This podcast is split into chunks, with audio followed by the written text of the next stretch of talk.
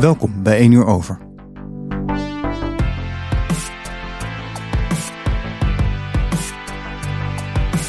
Eén uur over is een podcast voor studenten, waarin er met deskundigen, ervaringsdeskundigen en studenten aan de Hogeschool Utrecht wordt gesproken over thema's waar studenten tegenaan lopen. Ons programma biedt houvast door experts aan het woord te laten en biedt ruimte om ervaringen met elkaar te delen. Het is een programma van Podium en het Student Support Center. Het wordt live opgenomen in de serre van de Botanische Tuinen in Utrecht. Vandaag gaan we het hebben over een helaas relevant thema voor een aantal studenten: depressie. Aan tafel zitten Hester Noord, coach en trainer bij Mental Health First Aid, klinisch psychologe Frederike Vriends en Ferdi Berghoff, student aan de hogeschool en ervaringsdeskundige. Het gesprek wordt geleid door Danielle Stellingwerf.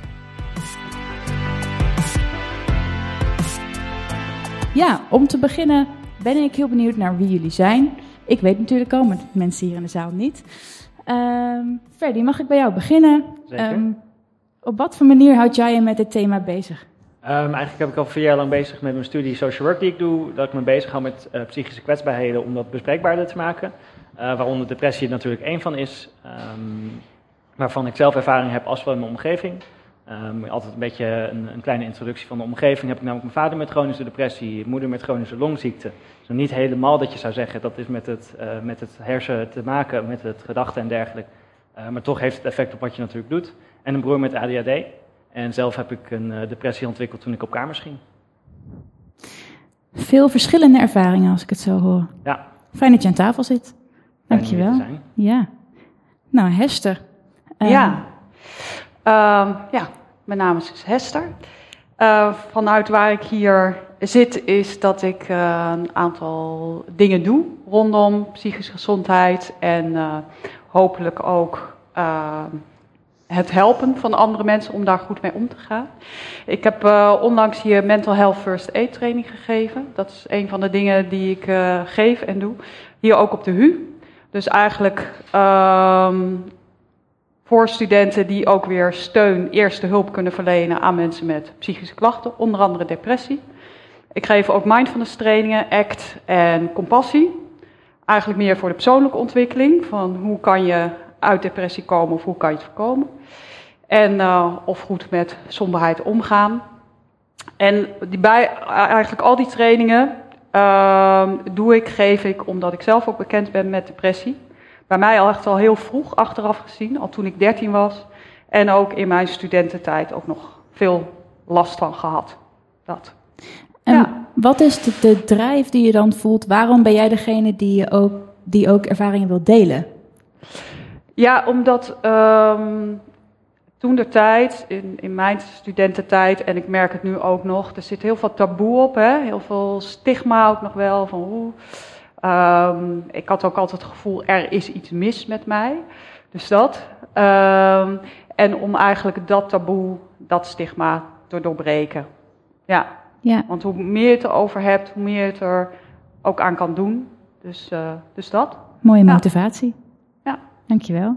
En Frederike, wat ja. is jouw betrokkenheid bij dit thema?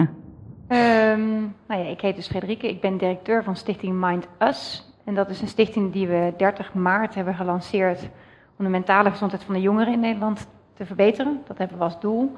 Uh, ik heb zelf uh, het afgelopen half jaar mee mogen bouwen aan uh, deze stichting. Dus om na te gaan, wat speelt er nou eigenlijk bij de jongeren in Nederland? welke behoeften hebben ze? welke organisaties zijn er al mee bezig en wat doen zij dan? En hoe kunnen we ook een bijdrage leveren? En uh, ik ben daar een half jaar geleden, of iets meer dan een half jaar geleden, dus bij terecht gekomen. Um, eigenlijk op uitnodiging van koningin Maxima, die ook onze erevoorzitter is. Uh, daar zeg je natuurlijk sowieso nooit nee tegen als die vraagt of die wil komen helpen. Um, ik ben altijd in mijn werkende leven bezig geweest met hoe kunnen we de zorg in Nederland verbeteren en dichter bij de patiënt of de burger brengen. Uh, dat heb ik heel lang in de curatieve zorg gedaan, maar ik ben oorspronkelijk opgeleid tot psycholoog. Dus voor mij kwam er heel veel nu samen en ik ben ook heel blij dat ik me hiervoor mag inzetten. En dat is ook, weet je, persoonlijke verhalen en ervaringen helpen daar ook bij. Ik heb zelf ook um, in mijn familieomgeving uh, veel psychisch lijden gezien. Uh, bij mijn moeder en mijn zus. Ik heb zelf daar eigenlijk heel positief van kunnen profiteren, omdat zij mij heel veel vaardigheden hebben meegegeven als ouder en als oudere zus. Uh, in hoe kan ik voorkomen dat het uh, bij mij ook gebeurt. Dus ik voel mezelf psychisch heel sterk. Um, en ik probeer ook vanuit dat fundament en de kennis die ik dan heb, toch ook in de stichting bij te kunnen dragen. Dankjewel. Ja. Ook weer mooie, veel ervaringen die een mooie bijdrage kunnen leveren aan dit gesprek. Uh, jullie horen volgens mij al heel veel en hoe we het gesprek gaan opbouwen is, aan het begin zullen we ingaan op wat is nou eigenlijk een depressie en wat is het verschil met andere psychische klachten en met sombere gevoelens. En daarna zullen we doorgaan op um, wat kun je zelf uh, doen met, met sombere gevoelens, met gevoelens van depressie, met een depressie. Uh, en daarna zullen we ook ingaan op wat kun je als omgeving nou doen als iemand uit, in je buurt last heeft van depressie. Dat is een beetje de rode draad die we vandaag aanhouden. Um, en ik wil eigenlijk beginnen dan met de vraag: wat is het verschil tussen sombere gevoelens en een depressie? Mag ik hem aan jou stellen, Frederik? Ja, ik vind dat nog steeds dat je. Dat blijft altijd heel erg lastig. Um, uh, maar het heeft met name over de, de aard en de duur met name van, uh, uh, van de klachten te maken. Dus iedereen heeft wel eens een periode waarin je gewoon somber bent, moeilijk uit bed komt, het echt even niet zitten, veel moet huilen. Maar als dat heel langdurig aanhoudt en het ook echt je dagelijks leven gaat verstoren, dan kom je in de buurt van een officiële diagnose van depressie. Um, ik ben zelf niet zo heel erg van het hokjes denken van nu krijgt het een diagnose en nu niet. Uh, en we zien ook dat bij jongeren uh, in een ontwikkelingsfase, dat jonge adolescenten, waarin je je echt nog aan het vormen bent, periodes ook er wat meer kunnen zijn, maar ook dus ook weer voorbij kunnen gaan. Dus het kan ook wat meer van tijdelijke aard zijn. En ja. ik ben altijd wel voorzichtig zelf met meteen een label plakken, dit is een depressie. Het gaat vooral ook om de, de last die je ervan ervaart en de mogelijkheid om daar zelf uit te komen of daar hulp bij nodig te hebben. Ja, dus de focus zou niet moeten liggen op de naam depressie, maar meer wat voor last ervaar je ervan en wat kun je ermee. Dankjewel. En ik ben ook wel benieuwd wat signalen kunnen zijn van een depressie, waar je het aan kunt herkennen. Kan jij er misschien wat over vertellen, Hester? Um, ja, je terugtrekken. Dus uh, terugtrekken uit sociale contacten. Dat uh, een van de symptomen van depressie is ook wel echt uh, moeilijk uh, ergens toe kunnen komen. Um, sommige mensen hebben het al heel vaak, als ze in depressie zitten, dat ze überhaupt hun bed uitkomen. Dat dat dan een drama is. Dat kan ik me ook nog wel heel goed herinneren. Of dingen die, waarvan je weet dat is best oké of goed voor mij om te doen. Um, ik vertelde net nog aan Ferdi, ik had onlangs een afspraak met iemand uit de tijd dat ik depressief was, een vroegere vriendin. En uh, wij gingen samen naar yoga.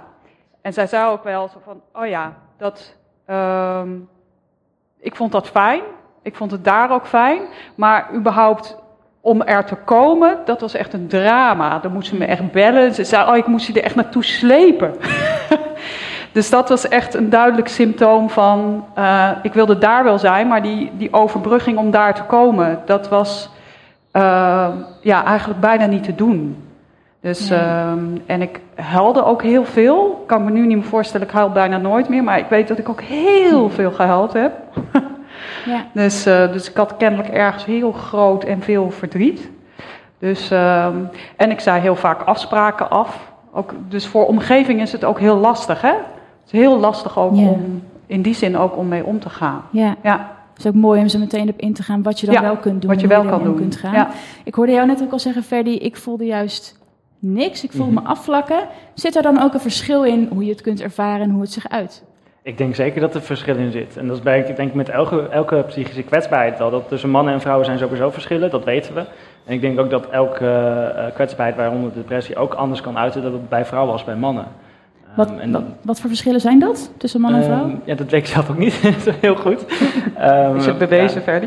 Nee, maar voor autisme wel.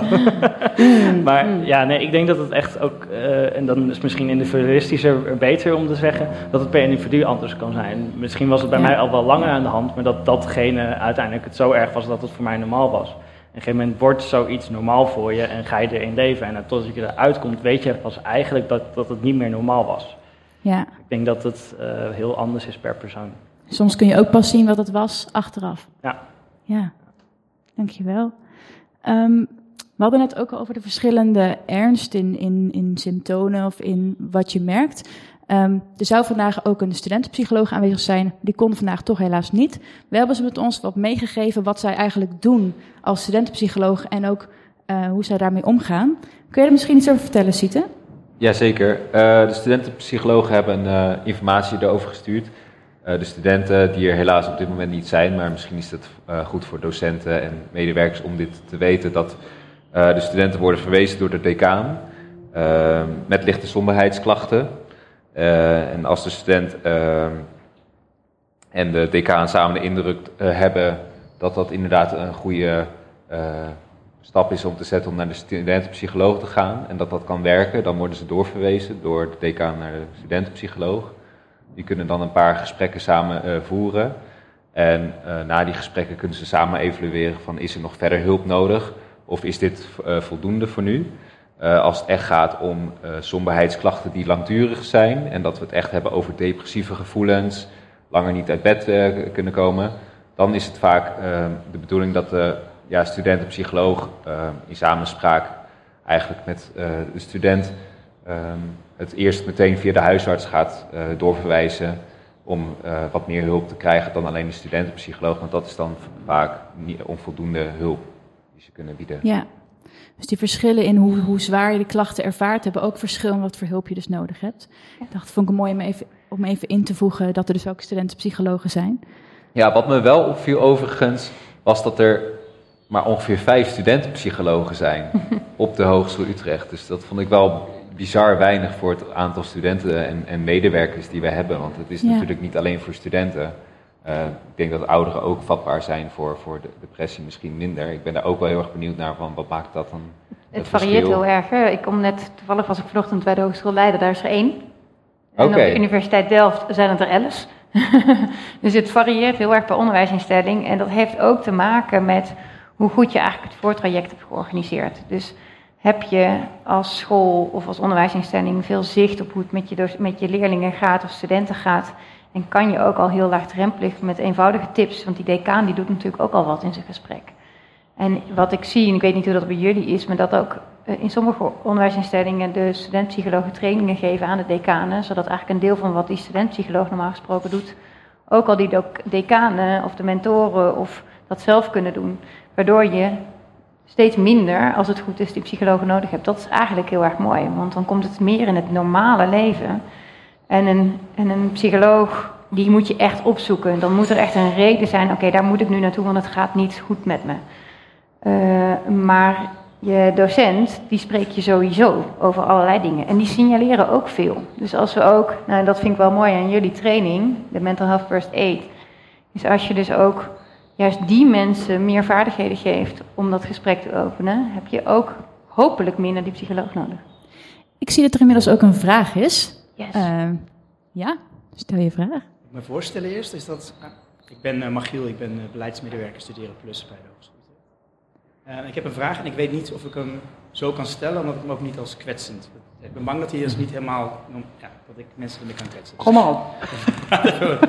um, is depressie altijd iets wat op zichzelf staat? Of is er altijd een oorzaak voor? Of is er een.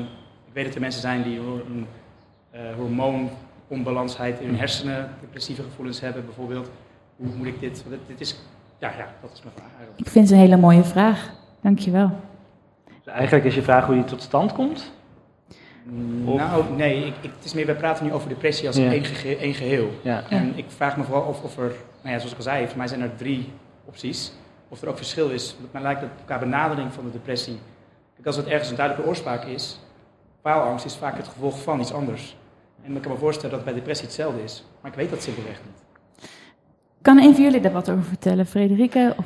Ja, er is nu eh, een heel mooi is een denktank mentale veerkracht, een Nederlandse denktank. En die hebben daar net een boek over geschreven. Wat ik heel helder vind hoe zij het uitleggen, um, is je hebt een balans in het leven tussen je draagt last. Dus wat kan je dragen? En je, en je, of nee, wat, wat komt op je pad uh, aan, aan zorgen, aan stressfactoren, et cetera. En je persoonlijke draagkracht. Dus hoe goed kan je daarmee omgaan? Wat zijn jouw vaardigheden? Wat is jouw copingstaal? Uh, heb je een netwerk waar je op kan steunen? Daar zitten allerlei elementen in. En daar waar die uit balans gaat, krijg je klachten. Ehm, en in, het ene geval kan dat zijn omdat jouw draaglast heel klein is, omdat je dat nooit hebt geleerd van thuis uit, omdat je er heel alleen voor staat, omdat je niemand hebt om dat mee te delen. Het kan ook zijn dat je gewoon heel veel op je bord krijgt en dat er gewoon heel veel speelt in jouw leven op dat moment, wat gewoon te groot is voor jou op dat moment om in je eentje te dragen. En het gaat eigenlijk altijd om die balans. En als we nu naar cijfers kijken in Nederland, we hebben echt heel veel jongeren die last hebben van psychische problemen. En dat gaat ook over die balans. Dus het gaat over de omgeving waarin zij zitten en wat voor draaglast dat voor hun geeft. Corona is er natuurlijk eentje van geweest. Ehm, maar ook de vaardigheden die ze zelf hebben ontwikkeld en de ruimte die ze daarin krijgen om te leren, uh, om daar ook goed mee om te kunnen gaan. Ja, duidelijk. Was dat een beetje een antwoord op je vraag, Michiel? Nee.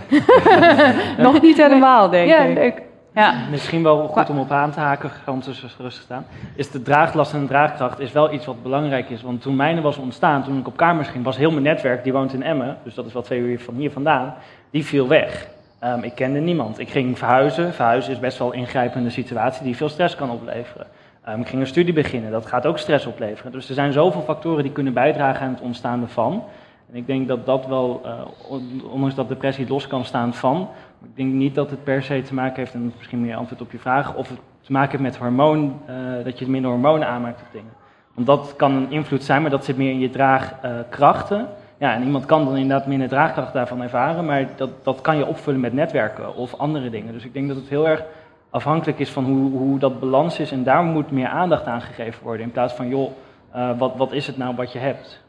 Dus als ik het even samenvat, de draagkrachten en het draaglasten, de balans daarin bepaalt, uh, een, kan een factor zijn waarin je kunt zeggen, oh, met een goede balans zul je minder snel gevaar lopen om, om last te krijgen van een depressie.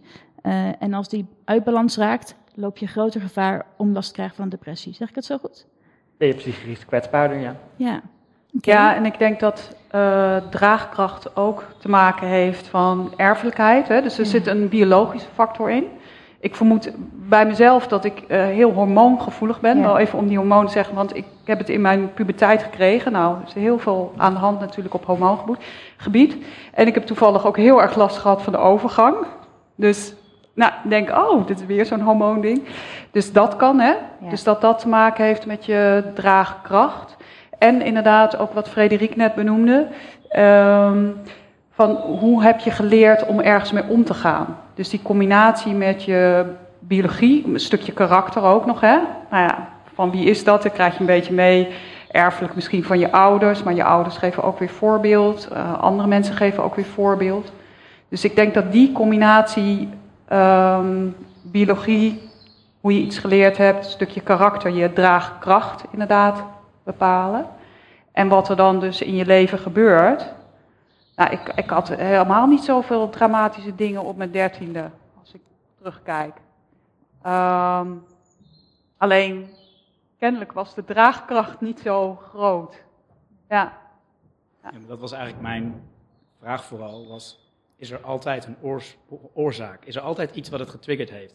Maar dat kan dus niet... Ja, ik weet dat het niet zo makkelijk was. Ja. Dat is waarom ik het ook zo vroeg. Ja. Maar um, nou ja, wat ik vooral... Ik hoor vooral ook dat die, die, die, die, die veerbaarheid, dat je terug kan veren uit, het, uh, uit de situatie. Dat, dat je, ja, buffers die je opbouwt door nou ja, nature-nurture elementen. Ook dat is ja. heel logisch. Maar ik heb denk ik wel zo'n antwoord wel ongeveer gekregen. Ja. Ja. ja. Misschien om nog even goed te benoemen, het is nooit één, één ding wat nee. het uh, aanwakkert. Er zijn altijd meerdere dingen die zorgen dat iemand psychisch kwetsbaar is. En dan is toevallig het enige, uh, bij mij was het toevallig mijn verhuizing die het doorzette. In combinatie met heimwee die daaruit ontstond. Dus het is altijd één ding wat natuurlijk de, de doorslaggevende factor is. Met heel veel dingen is dat zo. Er zijn altijd wel meerdere dingen aan de hand. Ja, met die balans. En, en die balans ja. is daarin het belangrijkste. Ja. Ik ben eigenlijk in aanvulling op jouw vraag ook benieuwd naar jou, Ferdi. Je hebt gestudeerd in coronatijd mm -hmm. en hebt uh, van nature een, gevo een gevoeligheid voor depressie. Hoe was het voor jou? Um, nou, ik had gelukkig een goed netwerk opgebouwd inmiddels. Dus voor mij was het wel natuurlijk dat je merkt dat in de omgeving merk je wel dat mensen terugvallen krijgen. Um, zelf heb je natuurlijk altijd die sombere dagen en dan weet je gewoon, dit is een sombere dag. Dat is denk ik misschien een, een dom of een stom iets wat Want je weet wat een depressie is en je weet wat een sombere dag is. Dus het is wel fijn om van jezelf te weten van, joh, ik heb nu gewoon een, een wat sombere periode tegenover de stelling van wat ik had, wat de depressie was. Dankjewel. En nog wel even aanvullend op dat eerste punt over zelfbeloning. Vandaag is er net weer een onderzoek uitgebracht dat één op de vijf studenten in de coronaperiode wel eens aan uh, uh, suïcide heeft gedacht. Uh, dus dat is echt heel veel. En moet je maar eens bij jou straks in de collegezaal kijken of één op de vijf, je kan ze gewoon tellen. En dat wil niet zeggen dat iedereen daarover wil praten, maar ik denk wel dat het goed is dat we daar ja, wat wat meer bereidheid toe hebben om naar het discomfort toe te gaan. Om ook de vraag te stellen die moeilijk is. Ja. Uh, weet je, het durven vragen en het durven doorvragen, dat, dat, is, dat is echt niet eenvoudig. En ik zie ook dat, dat mensen dat weerhouden om door te vragen. En ik had laatst een heel leuk gesprek, of mooi gesprek met een aantal middelbare scholieren, waarvan er eentje heel duidelijk in een hele sombere periode zat. En haar beste vriendinnetje zat daarbij. En we raakten in gesprek me vroegen door, door, door. En toen brak ze en ze zei, en dit is eigenlijk precies wat ik nodig heb. En, en toen zei haar beste vriendinnetje, zei, en dit is waarom ik het telkens niet doe, dat doorvragen. Want ik vind dit te moeilijk om te zien. Hmm. Uh, en ik heb nu het idee dat ik jou iets aandoe, dat ik jou extra verdrietig maak. En dat was een heel mooi ons gesprek ontstond er, omdat eigenlijk degene die heel erg verdrietig werd, zei, ja, maar dit is wel wat ik nodig heb. Hmm. En altijd net wegblijven van de moeilijke vraag zorgt ook dat het echte gesprek niet gevoerd wordt. Dus dat is wel wat ik, ja, dat is, het is heel erg wat jij ook zegt, de discomfort moet bij de vragensteller liggen. Die moet eigenlijk elke keer zijn, oké, en welke moeilijke vraag zou ik willen stellen en durf ik niet en hem dan toch stellen. Ongemak durven voelen. Ongemak durven voelen, want daar komt iets los wat anders vast blijft zitten. Ja, en ik denk dat er ook wel verschil zit in uh, woorden zoals depressie of paniekstoornis of angststoornis of wat dan ook. Want dan ben je met een soort van, tussen aanhalingstekens, een diagnose bezig. Die trouwens heel vaak helemaal niet zo hard zijn.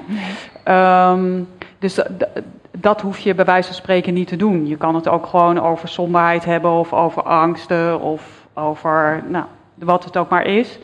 Um, maar zeg maar de vraag um, naar zelfdodingsgevoelens of gedachten of mogelijk plannen, dat is echt wel handig om dat wel zo helder als mogelijk te stellen. Want je hoeft niet, uh, het komt maar heel zelden voor dat iemand op een idee wordt gebracht. Dat is mogelijk 1%. Uh, maar als iemand het heeft, kan dat echt belangrijk zijn om te kijken van oké, okay, wat heb ja. je dan nu nodig? Want het is wel, het is levensbedreigend. om het zo maar even te zeggen.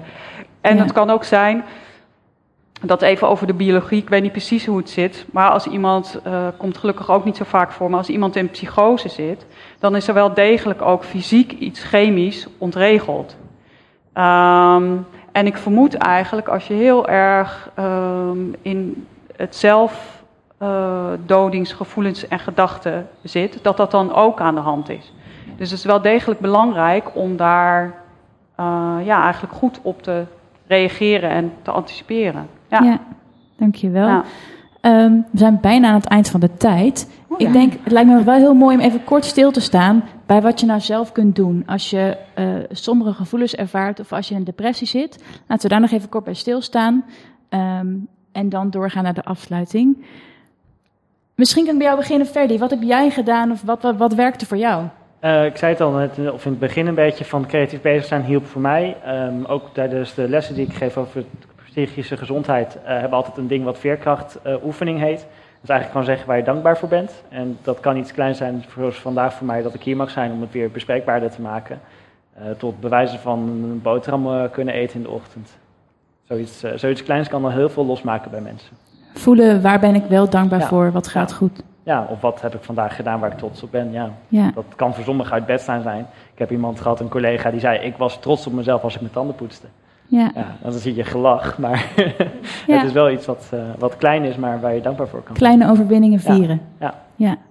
Dankjewel. Wat werkte voor jou, Hester? Um, ja, ik, hulp, hulp zoeken. Dat is wel gewoon ook. Uh, maar ik moet zeggen dat in die eerste periode al die hulp vond ik eigenlijk niet. Uh, sorry voor de hulpverlening, niet zo goed. Um, uiteindelijk ben ik zelf bij de mindfulness methodiek uitgekomen. En wat ik heel mooi vind van mindfulness act, compassiemethodiek, is dat het je leert omgaan met dat wat je ervaart. In plaats van dat de ervaring weg moet. Dus dat vind ik een hele belangrijke. Dus zoek iets uh, wat bij jou past, waardoor je leert met de ervaring om te gaan. Dus dat, uh, ja. Dus, denk dus er is niet één handleiding voor iedereen, maar zoek iets wat bij jou past, wat goed voelt voor jezelf. Ja, ja want het kan ook, ik noem maar wat, lichaamswerk zijn of het creatieve. Um, maar het, in die zin het normaliseren van, oh ja, ik heb dus, ik voel dus iets of ik heb ergens last van, want het verstoort ook echt, hè? dus dat ook ergens last van mogen hebben en dat erkennen. En dan kijken van, hé, hey, hoe kan ik dan zorgen dat ik daar goed uitkom of er gewoon weer goed mee om kan gaan. Ja, ja. ja dankjewel. Frederike, heb jij iets aan te vullen op wat je zelf, zelf zou kunnen doen? Ja, ik vind wat, wat, je, wat jullie eigenlijk beide noemen, hè, ik noem dat ruimte geven. Dus geef het ook, laat het er zijn, het mag er zijn. En geef het de ruimte, deel. En voor de een kan dat ook in stilte zijn. Dus dat vind ik ook wel. Uh, we hebben het heel vaak over, praten erover, zoek steun. Maar er zijn ook gewoon mensen voor wie het het beste werkt om de stilte op te zoeken. En, en dat eigen proces aan te gaan. Uh, dus dat vind ik ook wel horen bij wat jij zegt. Zoek ook wat voor jou werkt en wat voor jou mee. En wat ik zelf, ja, ik heb een boek gelezen, we hebben dadelijk ook boektips. En ik, ik, ik, ben ook opgeleid in de neuropsychologie, dus ik hou ook over hoe hersensystemen werken. En er is een, um, dat, dat boek heet The Book of Joy. En dat is een dialoog tussen de Desmond Tutu en Dalai Lama. Die met elkaar uitwisselen over hoe geluk nou werkt. Dus hoe werkt het nou dat je gelukkig bent, ondanks dat je leven soms ook heel zwaar kan zijn. En dat wordt onderbouwd door onderzoekers die daar dan ook wetenschappelijke kennis aan toevoegen. En een van de theorieën die daarin staat is dat je in je hersenen vier systemen hebt die ervoor zorgen dat je geluk kan ervaren. Of die, die eigenlijk je geluksniveau bepalen. En dat is één de mogelijkheid om positief te kunnen denken. Dus hoe vaardig ben je in het positief kunnen denken. En de tweede is hoe vaardig ben je of hoe goed kan je je negatieve gedachten stoppen. Dus als je dan toch in zo'n negatieve gedachte terechtkomt, kan je jezelf daarin helpen om daaruit te komen. Om op een gegeven moment te zeggen, ja nu is het genoeg. Ik moet echt aan iets anders denken. Dit gaat me niet helpen. Dit brengt me eigenlijk alleen maar naar beneden. Het derde is het vermogen om compassie te voelen. En dat zit ook heel erg in wat jij doet. Het, het van jezelf los naar, dus compassie naar jezelf. Dit mag ik ook hebben en dit mag ik ook voelen. Maar ook het compassie voor een ander voelen helpt ook jouw eigen problematiek in een perspectief te plaatsen. Kan het soms relativeren. Dat je zegt, ja, ik voel me hier wel heel ellendig over. Kijk eens ook naar om me heen wat er nog meer is. En als ik die nou eens ga helpen, help ik niet ook daar indirect mezelf mee bijvoorbeeld. Dus compassie is een heel belangrijke factor. En het vierde is het systeem om je eigen gedachten te kunnen sturen überhaupt. Dus als je, en dat kan je trainen. Eigenlijk die laatste is het enige wat je echt goed kunt trainen. Dat doe je met meditatie. Of in ieder geval volgens deze theorie. Hè. Dus niet nooit helemaal de waarheid. Maar deze theorie heeft mij altijd heel veel geholpen. Dus je kunt dus jezelf trainen om deze gedachteprocessen te beïnvloeden. Um, dat is eigenlijk ook het fundament van cognitieve gedragstherapie of heel veel andere dingen. Um, en dat trainen kan dus op meerdere manieren. Dus wat we al hadden over de studentpsychologen, die trainen je ook in gedachten sturen. Ja. Um, eigenlijk die oefening die jij doet om te leren dankbaar zijn, train je zelf ook in het bepaalde sturen van bepaalde gedachten. Maar ook juist dus de uh, compassie voor jezelf kun je ook trainen door daar ook in te oefenen. Heb ik dat goed begrepen? Ja. Ja. ja. Nou, door dan op dat moment, het, is, het trainen is natuurlijk ook een soort van discipline, hè? dus je moet iets en mediteren is ook niet altijd meteen makkelijk, dat moet je ook oefenen. Um, maar dan wel tegen jezelf zeggen: oké, hoe kan ik nou mijn perspectief ook verbreden naar een ander? Of nou ja, um, hoe kan ik wat milder naar mezelf kijken, dat ik niet perfect hoef te zijn? Of, um, en dat is dus in ja, oefening. Ja, mooi om mee heel simpel een gedachte op papier schrijven en die gewoon elke dag voor jezelf herhalen. Ik ben oké zoals ik ben. Mooi om mee af te sluiten, denk ik. En even kijken naar de tijd. We hebben nog één minuutje. Zullen we nog een oefening doen om het überhaupt nu even te oefenen? Dat is misschien wel leuk. Um, Ferdi, uh, die uh, geeft ons ook trainingen en is ook bezig met uh, bespreken van depressie. En jij hebt ook een oefening. zou je die uit willen leggen kort en zullen we dat even met elkaar kunnen doen? Ik, ik zei hem net natuurlijk al, die veerkrachtoefening. Um, Normaal in de klassenreeksen waar we dit geven, middelbare scholen, bovenbouw, mbo, onderbouw, vragen we eigenlijk iedereen om te zeggen waar je dankbaar voor bent. En nou ja, dan, dat gaat echt wel tien minuten overheen, dus dat wordt hem nu niet. Uh, maar als iemand iets heeft waar hij zegt, nou ja, daar ben ik dankbaar voor vandaag, voel je vrij om het te delen. Nou ja, ik zei het net al, um, onder andere dat ik hier weer mag zijn uh, om zo'n uh, thema zoals dit bespreekbaar te maken. Daar ben ik dankbaar voor. Ik ben dankbaar voor het mooie weer. Is er nog iemand die uh, ergens dankbaar voor is? Ik ben dankbaar dat mijn vader in de zaal zit. Nou.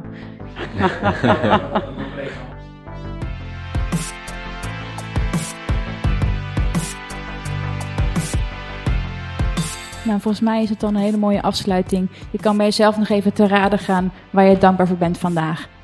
Um, ik wil jullie heel hartelijk bedanken dat jullie heen zijn gekomen, dat jullie de vragen hebben gesteld, mee hebben gedaan, uh, echt in gesprek zijn gegaan. Vanuit mij in ieder geval ook heel veel dank dat jullie hier waren. Ja, jij ook. Ja, ja ook bedankt.